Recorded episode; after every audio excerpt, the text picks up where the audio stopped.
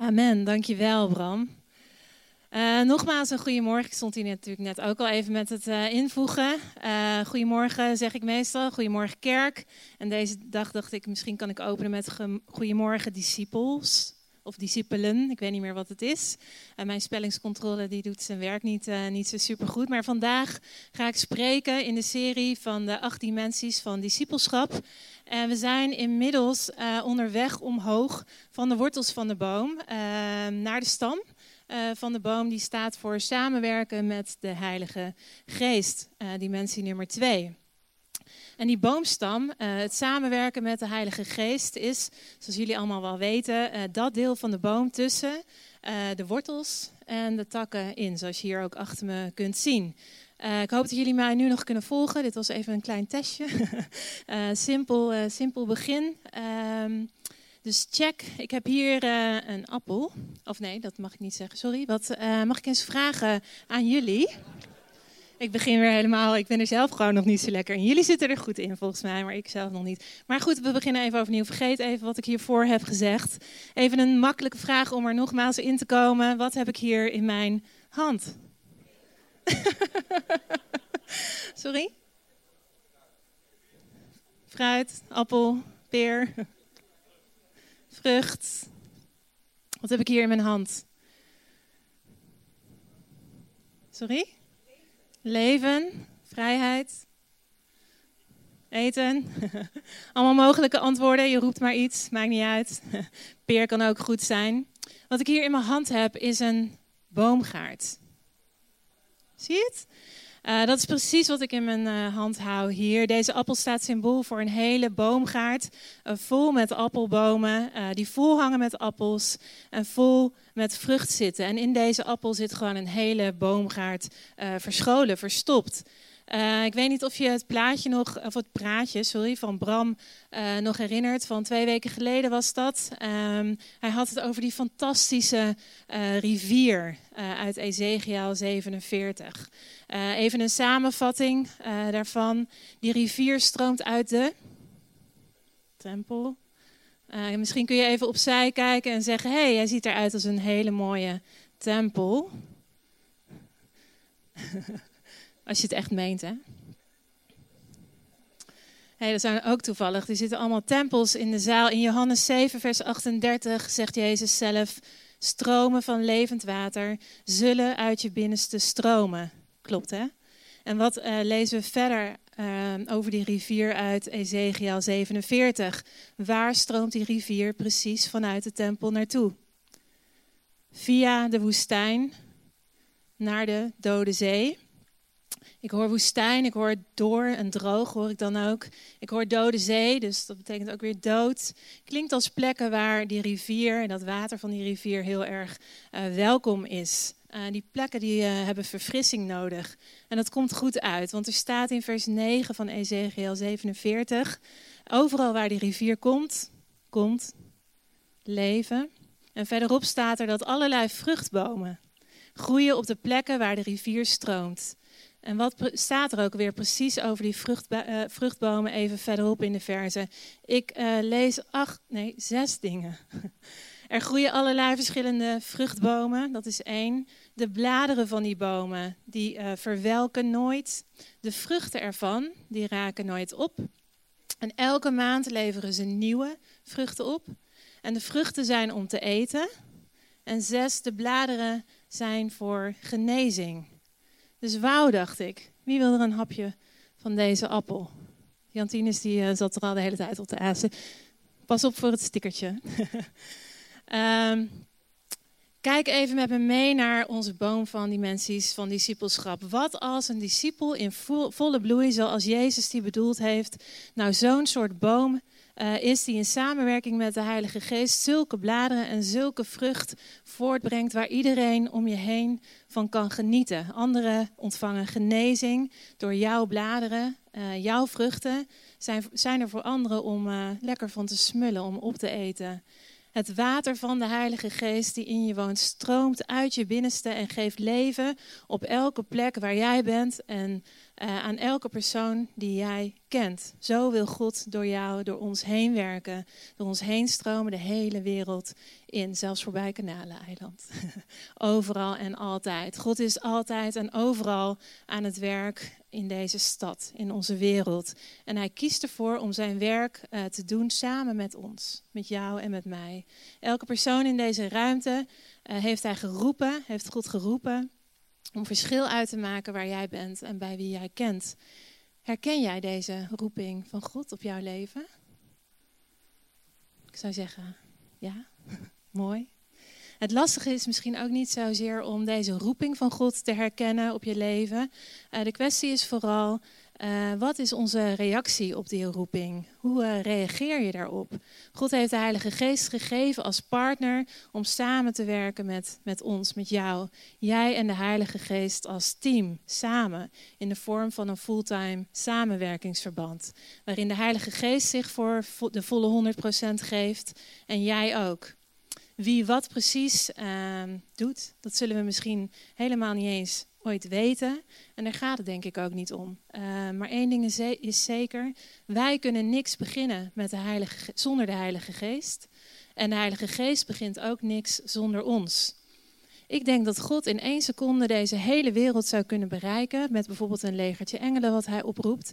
Uh, maar hij kiest ervoor om het samen met ons te doen. Het water stroomt uit de tempel als het goed is.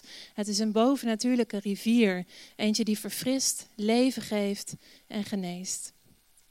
Oké, we hebben het dus vandaag, Bram zei het net ook al even, over kansen zien om betrokken te raken bij wat God al aan het doen is. Dus in twee woorden heb ik de preek genoemd: raken betrokken. En als je je afvraagt uh, wat God aan het doen is, dit, die rivier waar ik het net over had, uh, dat is Hij aan het doen. De, uh, de, Bijbel, ik heb hem hier liggen. Ik heb een hele dikke meegenomen om jullie te laten zien dat ik echt serieus uh, in de Bijbel geïnteresseerd ben. Maar de Bijbel, dat is een verslag van wat God aan het doen is in deze wereld. Het gaat over een God met een naam.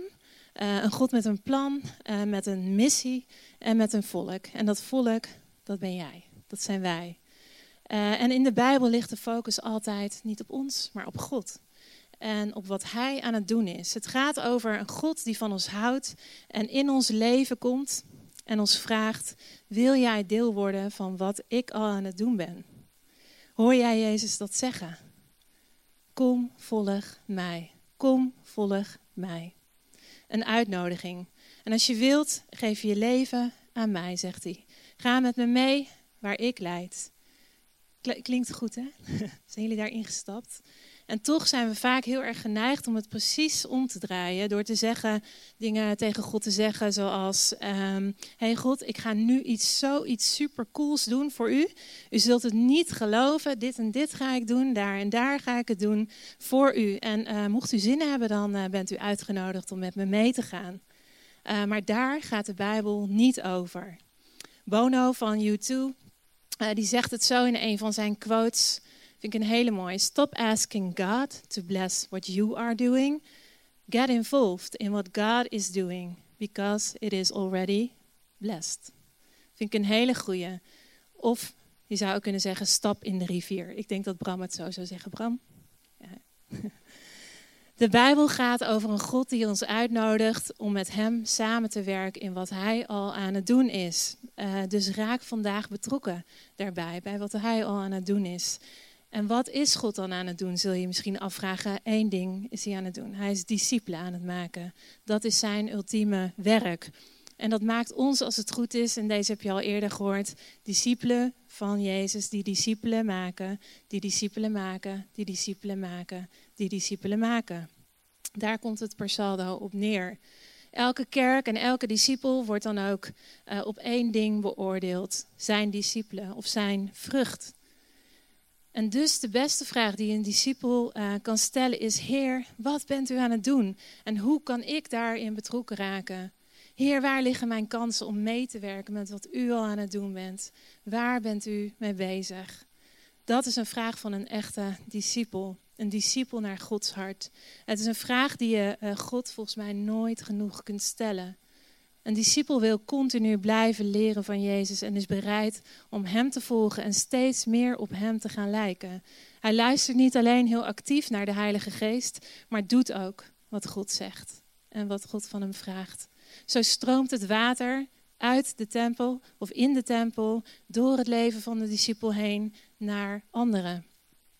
Weet je nog, uh, listen en obey, daar heb ik het wel eens eerder over gehad. Luisteren en gehoorzamen in het Nederlands. Uh, ik heb het genoemd in mijn pitch bij de najaarsstart. In uh, september was dat, toen we de dimensies van discipelschap-serie gingen introduceren. En dat zijn volgens mij de twee woordjes waar het allemaal om draait bij een discipel. Die samenwerkt met de Heilige Geest. Uh, klinkt heel simpel, maar dat is het geheim van discipelschap. En het is ook de basis uh, in alles wat Jezus doet. Jezus luisterde altijd. Jezus gehoorzaamde altijd. Het werkt net als fietsen, heb ik toen uitgelegd. Je bent onderweg en je, ja, je weet, je hebt twee pedalen, twee uh, trappers. En de ene trapper heet, of de ene pedaal heet luisteren en de andere heet gehoorzamen. Ik had eigenlijk iemand willen uitnodigen om even door de zaal rondjes te fietsen en uh, te laten zien hoe dat dan klinkt, zeg maar. Maar hoe zou dat dan klinken als je vooruit fietst? Listen, obey, listen, obey, listen, obey. En als je dat niet doet, dan hoor je denk ik boem, want dan ben je uit balans. Dus het is altijd die twee, uh, twee dingen. Um, even een vraag tussendoor. Wie van jullie uh, is er wel eens uit een vliegtuig gesprongen? Wauw, ja? Zo. Martijn, ik wil straks je verhaal horen. Ik ken daar ook een jongen en dat was niet Martijn. die wou dat zo graag. Dus wat doet hij? Ik weet niet of jij dat ook hebt gedaan, uh, Zoe, Martijn. Maar hij schrijft zich in voor zo'n zomercursus parachutespringen. Superleuk. Uh, helemaal enthousiast. En in zijn zomervakantie volgt hij die hele cursus. Hij krijgt les en hij bestudeert boeken over parachutespringen. En aan het eind van de week krijgt hij ook zo'n examen voor zich. Zo'n schriftelijk examen. En wat blijkt? Gefeliciteerd, joepie. Hij slaagt voor de cursus en hij krijgt zijn diploma. En alle studenten um, met hem, die ook geslaagd zijn, die vertrekken weer naar huis. Diploma in hun zak of in hun tas. En ik zou zeggen, fantastisch. Alleen wat wil nou? Hij heeft nog nooit gesprongen. Hij heeft het nog nooit gedaan. Dat is raar, toch? Vind je ook niet? Een echte discipel springt, hij raakt betrokken, hij luistert, niet alleen, hij gehoorzaamt ook. Listen en obey. Hij vraagt niet alleen, Heer, wat bent u aan het doen? Hij vraagt zich daarna ook af, hoe kan ik springen? Hoe kan ik meewerken? Hoe reageer ik? Hoe gehoorzaam ik? Een echte discipel die komt in actie. Nou, een van de, ik weet niet of je de DVD-boekje voor deze week al hebt doorgelezen. Een van de opdrachten daarin uh, voor deze week is maak een tekening of een schilderij uh, van wat God aan het doen is. Wie heeft het al, uh, wie is er al aan begonnen? Leuke opdracht, hè? nou, deze week, leuke taak voor jullie. Ik stel me dan zo voor, ik las die opdracht, stel me zo voor. Je gaat zitten uh, met een leeg vel papier, pak je erbij en een pen of stift of potloden wat je, waar je zin in hebt. En je gaat, zitten, je gaat zitten en stelt die vraag aan God. Heer, wat bent u aan het doen? Lijkt heel simpel en uh, je begint te schrijven en je wil beginnen met tekenen. En ik ben heel benieuwd wat er op jullie uh, papier uh, terechtkomt. maar ik weet niet of je wel eens van een writersblok hebt gehoord. Uh, het kan iedereen volgens mij gebeuren. Opeens uh, weet je niet meer wat je moet schrijven of tekenen en waar je moet beginnen. Je ziet dat lege vel papier en denkt, ik, ik uh, ben totaal, hoe noem je dat, blank, blanco. en zo kan het soms ook werken als je God vraagt wat hij aan het doen is. Als je met hem wil gaan meewerken. Je raakt als het ware zo overweldigd van alles, van wat God al in de wereld aan het doen is, dat je gewoon niet meer weet waar te beginnen. Uh, stel je even voor, um, niet, mak niet moeilijk om voor te stellen volgens mij. Je bent aan het strand, je maakt een wandeling, uh, zeg op het strand van Scheveningen. En je kijkt uit uh, voor je over het strand en dat ligt, voor, voor zover jij kunt zien in de verte, ligt helemaal bezaaid met aangespoelde zeesterren. En wat wil nou die zeesterren? Die liggen overal. Uh, maar die kunnen zelf niet uh, terug in het water komen. Dus ze liggen daar eigenlijk allemaal uh, te sterven als er niemand iets doet. Misschien heb je dit verhaaltje wel eens eerder gehoord. Het is een van mijn favoriete verhaaltjes. Ehm, dus het kan zijn dat het bekend voorkomt. Ehm, maar loop even met me mee over het strand. Uh, dan zie je in de verte uh, een klein jongetje aankomen lopen. En wat doet dat jongetje? Hij is aan het spelen en uh, soms zie je hem even bukken naar voren. En dan pakt hij zo'n zeester en dan gooit hij hem terug in het water. En je observeert hem een beetje en je denkt bij jezelf: wat stom, waarom doet hij dat? Hij kan nooit alle zeesterren uh, redden of terug in het water gooien. Dus waarom, waarom doet hij dat? En dan kom je in de buurt van het jongetje, jullie wegen kruisen elkaar en dan zeg je tegen hem: Hé, uh, hey, wat heeft dat nou voor een zin, joh? En terwijl het jongetje uh, weer bukt, een zeester opraapt en in het water gooit, zegt hij: Ik wed dat het voor deze wel wat uitmaakt. Zo'n mooi verhaal. En zo werkt het ook in het zien van wat God aan het doen is en met Hem samenwerken. Je laat je niet overweldigen um, door alles wat er moet gebeuren, door al die zeesterren die op het strand liggen, door de hoeveelheid werk. Uh, maar je begint gewoon samen te werken met de Heilige Geest en doet wat jij kunt. En God die doet de rest. Dit jongetje in het verhaal van die zeesterren doet me ook heel sterk denken aan Jezus eigenlijk. En aan hoe hij uh, de Vader steeds weer gehoorzaamt. Uh, Jezus, hè, die komt helemaal uit de hemel naar de aarde toe. Dat is echt een verre reis. En op een dag is hij, net zoals op uh, zoveel andere dagen, onderweg. Hij is onderweg van, of naar het kruis. Om alle zonden van de hele wereld weg te nemen. Maar wat doet hij? Op zijn weg naar het kruis in Jeruzalem aangekomen, stopt hij op een dag bij een boom. Hij kijkt omhoog.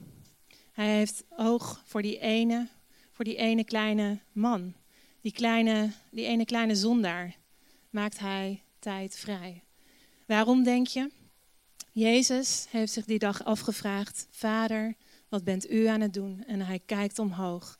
En dan ziet hij Zacchaeus in de boom als het ware hangen. Ik zie hem zo aan zo'n tak hangen. Uh, wat op zich al verdacht is. En dan nodigt Jezus, Jezus zichzelf bij hem thuis uit voor de lunch. Niet omdat Jezus nou zo'n trek heeft, uh, maar wel omdat hij ziet hoeveel honger Zacchaeus heeft.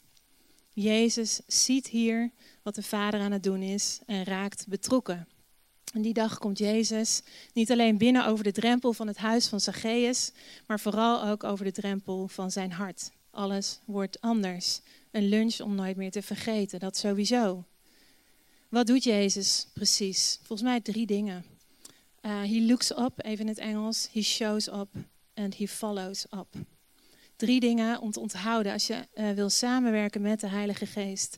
Kijk op, daag op en volg op.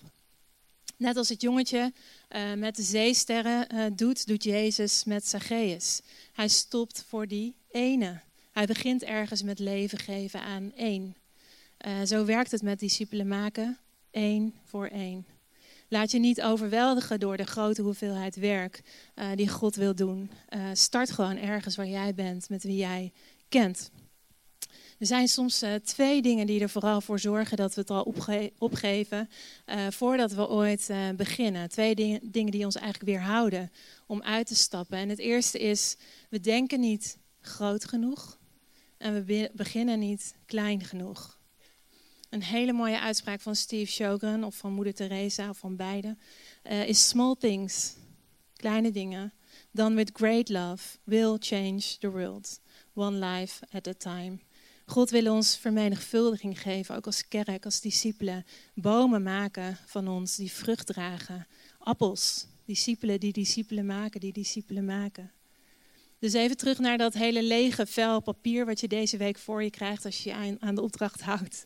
Um, probeer je continu af te vragen, Heer, wat bent u aan het doen? Begin ergens. Begin gewoon te zegenen wat God al aan het doen is. En doe wat jij kunt. Samenwerken met de Heilige Geest is, uh, heb ik ervaren, zo ontzettend leuk. De rivier brengt leven, brengt verfrissing. Overal waar hij gaat, je bent welkom. Uh, de bomen brengen vrucht voort en de bladeren genezing. We hebben het nog steeds over samenwerken met de Heilige Geest en wat God al aan het doen is. En ik zei het uh, al een keer, het geheim van Jezus hierin is eigenlijk heel simpel te onthouden. Listen and obey. En Jezus zegt daar dit over in Johannes 8, eh, vers 28 en 29. Hij zegt, ik doe niets uit mezelf. Ik doe alleen wat ik de Vader zie doen. Ik doe altijd wat Hij wil. Mooi hè? Jezus vroeg zich niet af, wat zullen de mensen ervan vinden? Of uh, wat zijn de consequenties als ik dit of dit doe? Nee, hij vertrouwde de Vader compleet. Hij maakt zich alleen druk over, hey, is dit de stem van de Vader? En zo ja, houdt het dan in dat ik dit en dit ga doen en dit en dit ga zeggen? Hij heeft zo'n compleet vertrouwen in God, dat wil ik ook. En uh, zijn onbegrensde bereidheid om uh, te gehoorzamen aan zijn Vader, dat geeft de Heilige Geest alle ruimte om hem onbeperkt uh, op te vullen. En de stap voor stap uh, gehoorzaamheid die we bij Jezus zien, bepaalt niet alleen wat hij kiest om te doen, maar ook hoe hij dit op, vervolgens uitvoert, de manier waarop hij het doet. Nou, we hadden het eerder al even over de bladeren van die uh, boom die genezing voortbrengen. En nu is genezing natuurlijk maar één aspect van het koninkrijk van God. Er zijn nog veel meer aspecten, redding, bevrijding, uh, noem maar op. Maar, ook, maar vooral ook omdat de bladeren, en daar hebben we het vandaag uh, onder andere over, genees, voor genezing staan, focus ik nu eventjes op genezing. Neem nou eventjes bijvoorbeeld genezing van blindheid. Uh, dat komt regelmatig terug in uh, het repertoire van Jezus in de Bijbel. Um, stel je anders even voor dat je een uh, journalist bent. Volgens mij zitten er ook al een aantal journalisten in de zaal. van het Utrechts Nieuwsblad, lekker dichtbij. En je wordt erop uitgestuurd vandaag om onderzoek te doen naar een spectaculair gerucht over de nieuwe populaire profeet. En je editor die geeft je eigenlijk de opdracht mee. Schrijf een artikel over wat Jezus doet en hoe die het doet. En zorg uh, dat je niks over het hoofd ziet. Ik wil deze geheime methode in de krant. Dus wat doe je? Je spoort Jezus op, je pakt het vliegtuig naar Capernaum. En op goed geluk vind je hem gelijk diezelfde dag nog. En hij heeft een groot publiek om zich heen. Hij staat juist op het punt om twee blinde mannen te genezen. Dus dat valt precies binnen jouw onderzoek. Uh, dus hoe gaat hij dat doen, vraag je af. En wat is zijn geheime methode? Uh, je kijkt toe, pakt je notitieblok erbij, slaat hem open. En wat doet Jezus? Jezus die strekt zijn hand uit om de blinde mannen, die twee, aan te raken. En dan zegt hij iets over zijn geloof, maar dat kun je niet helemaal verstaan. Hij raakt hen simpel aan en dan het is echt ongelooflijk. Hoor je allebei de mannen zeggen: Ik kan zien. Dus hoe deed Jezus dit? Hij raakte ze alleen maar aan. Uh, dus je schrijft op aanraking in je notitieboekje. En je denkt bij jezelf: misschien moet ik hier straks nog wel meer over gaan schrijven. Uh, je volgt Jezus naar Bethsaida en ja hoor, wat denk je? Jezus die geneest verschillende mensen uh, en stiekem hoop je dat Jezus uh, weer een blind iemand gaat tegenkomen die dag. En even later wordt je wens al vervuld. Jezus ontmoet opnieuw een blinde man. En je kijkt intens toe, je wil niks missen en je denkt ik durf te wedden dat hij hem gaat aanraken. En Jezus die, die, die start een gesprekje en gaat als het ware al in de genezingsstand staan. Hij rolt zijn uh, mouwen op. En dan hoor je hem tot je verbazing zijn keel schrapen. En je denkt, is hij soms verkouden? en dan spuugt hij. Op zich niet zo heel raar, want dat doen heel veel mensen in die tijd en daar. Uh, alleen het onsmakelijke is, onsmakelijke is dat hij recht in de ogen van die man spuugt. Uh, maar ja, die man die ziet dat natuurlijk niet aankomen. En nog erger, Jezus die biedt zijn excuses niet eens aan. En de blinde man lijkt ook helemaal niet beledigd. Hij kan zien. En je denkt, dit is wel heel raar. Ik weet niet eens of ik dit wel ga opschrijven. En even later, terwijl je wacht op de volgende tijd van bediening, check je je notities. Oké, aanraking, opgeschreven, check. Dan spuug, met een vraagteken, check. Um, je hebt het gevoel dat je nog één laatste genezingservaring nodig hebt om te weten hoe dit werkt, wat de formule is. Je hoeft gelukkig niet lang te wachten. Je bent nu uh, met Jezus ondertussen in Jeruzalem en daar loopt Jezus, een man tegen het lijf, die al blind is van, vanaf zijn geboorte. Yes. Je flipt je notitieboek weer open en hoort een bekend geluid. Jezus schraapt zijn keel weer. Je staat op het punt om de man, de blinde man, te waarschuwen, maar je bent al te laat. Gelukkig deze keer mist Jezus de man. Zijn spuug valt op de grond. Uh, maar wat er dan gebeurt is ongelooflijk. Jezus die buigt naar de grond en mengt zijn klodder spuug uh, met wat zand en wrijft dat goedje op de ogen van de man. En dan, in plaats van de man te helpen om uh, dat goedje er weer uit te wassen, stuurt hij hem naar een zwembad in de buurt om het er zelf uit te wassen. En voordat jij je afschuw kunt laten blijken aan Jezus, roept de man uit: Ik kan zien. Op dit moment denk je bij jezelf: Oké, dit is hoogst ongebruikelijk wat hier gebeurt. Maar eerlijk is eerlijk, ik kan niet anders zeggen: hij heeft wel goede resultaten. Dus even een samenvatting van van je, wat je hebt geschreven tot nu toe, wat je hebt gezien tijdens je onderzoek. De methode van Jezus is volgens mij, als iemand niet zo lang blind, is, dan is aanraking al genoeg.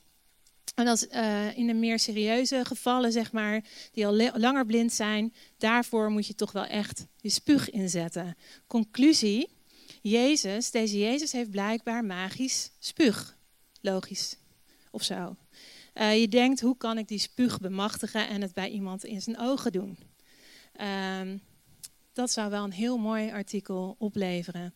Nou, overtuigd van deze methode zie je dat Jezus opnieuw een blinde man ontmoet. Zijn naam is Bartimaeus. Je kent hem wel. Uh, en er is wat commotie rond deze man, want de discipelen vinden blijkbaar dat Jezus het al druk genoeg is en ze proberen hem eigenlijk stil te krijgen. Maar jij bent enthousiast, want je ziet een blinde man en je ziet eigenlijk al in de ogen van Jezus dat hij hem wil gaan genezen. Hiervoor ben jij gekomen. Je wacht op een aanraking. Je wacht op het moment dat Jezus zijn keel schraapt. Maar wat gebeurt er? Er gebeurt niks. Geen aanraking, geen spuug. Hij bidt zelfs niet eens voor deze man. Hij zegt gewoon: Je geloof heeft je genezen. En een leuke dag verder. En de man kan natuurlijk zien. En jij aan de andere kant ziet het juist helemaal niet meer. Uh, als, er, als er al een geheim is tot de genezingsmethode van Jezus, jij ziet het niet meer. Nou, lang verhaal kort. Natuurlijk uh, zijn er cursussen die je helpen om te leren bidden zoals Jezus dat deed. Uh, maar er is geen methode. Geen me methode die je helpt om controle te krijgen over het proces. God is in control. Geen methode. Het enige model dat Jezus ons geeft is er eentje van leren te luisteren naar de Vader en doen wat Hij zegt. Listen en obey. Dus als je me vraagt waar liggen de kansen om betrokken te raken bij wat God aan het doen is, dan zeg ik opnieuw: listen en obey. Geen formule. Listen en obey. Zie het zo, als je straks daar de voordeur uitloopt van dit gebouw, begint jouw tijd van bediening. Samenwerken met de Heilige Geest is één groot avontuur. Vraag je af wat God al aan het doen is en stap uit en kijk hoe de Heilige Geest met jou wil samenwerken. God is al aan het werk en hij heeft situaties voor elk van ons uh, voorbereid. En je kunt zo instappen en beginnen te zegenen wat hij al aan het doen is. En het spectaculaire, sorry, is, if we obey, God listens. God acts. Er is geen formule, maar zo werkt het. Als wij luisteren en als wij gehoorzamen, volgt God op met zijn kracht. En dat is echt waar. Ik weet niet of jullie ook wel eens dromen over een duikplank waar je van af moet. Een hele hoge. Niemand? Ben ik de enige?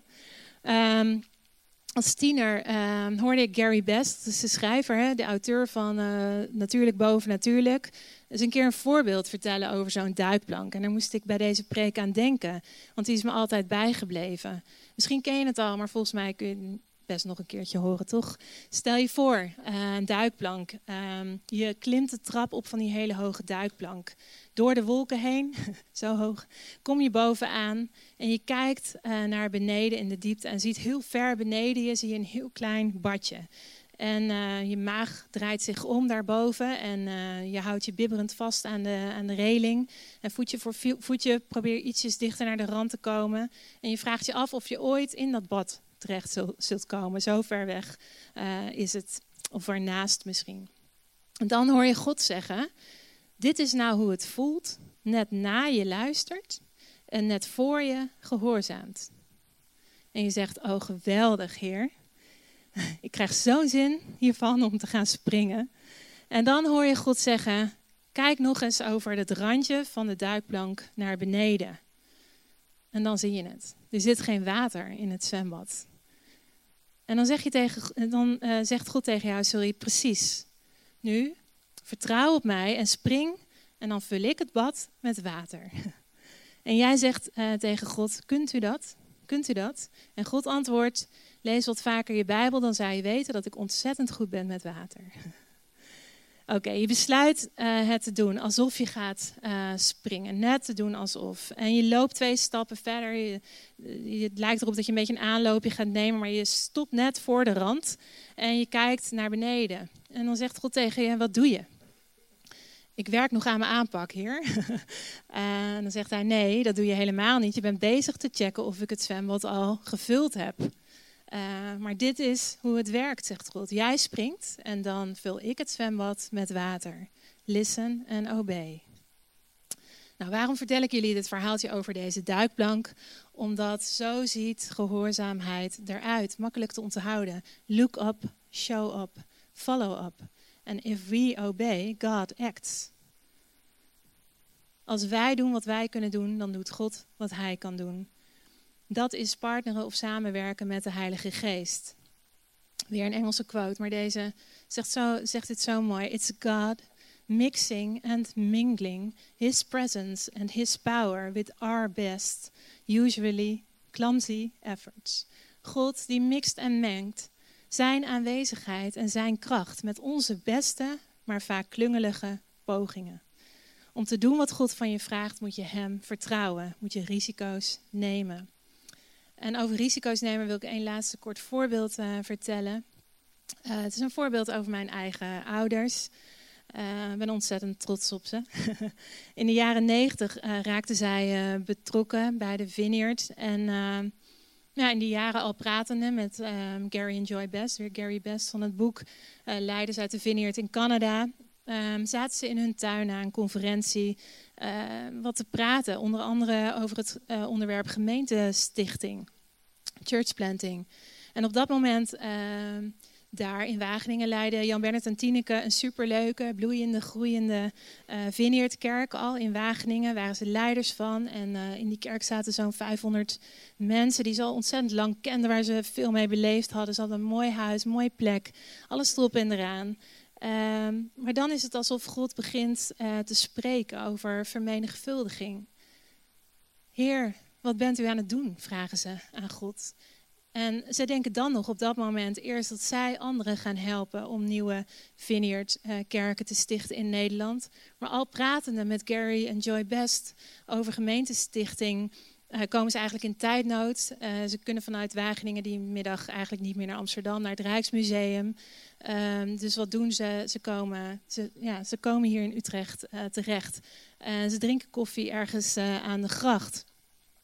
En het is op dat moment dat ze God horen zeggen: Waarom starten jullie hier geen nieuwe vineyard? Start eerst zelf een nieuwe kerk en help dan vervolgens anderen om het ook te doen. Mooi verhaal en ik ga het niet verder helemaal vertellen, maar lang verhaal kort. De volgende dag in de dienst in de Vineyard in Wageningen uh, is er een stel, een echtpaar uit Utrecht. En de weken daarop komen er steeds meer mensen uit Utrecht, uh, wel tien regelmatig, naar Wageningen. En lang verhaal kort. Jan Bernard en Tineke starten een visiecursus hier in Utrecht. En lang verhaal kort, uh, ze laten alles achter en starten hier een nieuwe kerk. over risico's nemen gesproken, over gehoorzaamheid gesproken. Lang verhaal kort, kijk om je heen, hier twintig jaar later zijn wij hier als kerk in Utrecht. Uh, we hebben inmiddels uh, helpen stichten twee nieuwe vineyards in Amersfoort en in Amsterdam. En dit is gewoon één voorbeeld van hoe een kans om betrokken te raken bij wat God aan het doen is, uh, eruit kan zien. En aldoende leer je. Je hoeft niet alles te weten voor je gaat. Um, en zo heeft God uh, ook werk voor jou, voor ons, voor mij klaar liggen. En hij kan niet wachten tot je erin duikt. Dus raak betrokken. Spring van die duikplank. En God die vult het zwembad uh, met water. Neem risico. Spring uit het vliegtuig met je parachute. En pas de theorie toe in de praktijk. Het is veel te leuk om het nooit echt te ervaren en te doen. Spring in die rivier, zou Bram zeggen. Uh, God wil deze week door jou en door mij heen werken als Jezus uh, door die rivier die alles uh, wat hij aanraakt verfrist en levend maakt. En door de bladeren van je boom die genezing brengen. Overal waar de rivier stroomt, daar komt leven. En de Heilige Geest wil vrucht dragen door jou heen. En hij wil ook andere mensen van die vrucht laten proeven. Jij bent als deze, eh, als deze vrucht waar mensen van kunnen proeven. Hij wil uh, hen ervan laten genieten, de mensen om je heen. Deze appel staat voor een hele boomgaard vol vrucht. Dus ga de uitdaging aan en word een echte discipel zoals een echte discipel bedoeld is. Een discipel die discipelen maakt, die discipelen maakt. Luister actief en doe wat hij van je vraagt. Altijd. Net als Jezus. Een laatste quote ook van Gary Best. Simply be willing to see what God is doing and take the risk of reaching out to put your hands together with His, and anything can happen. Amen.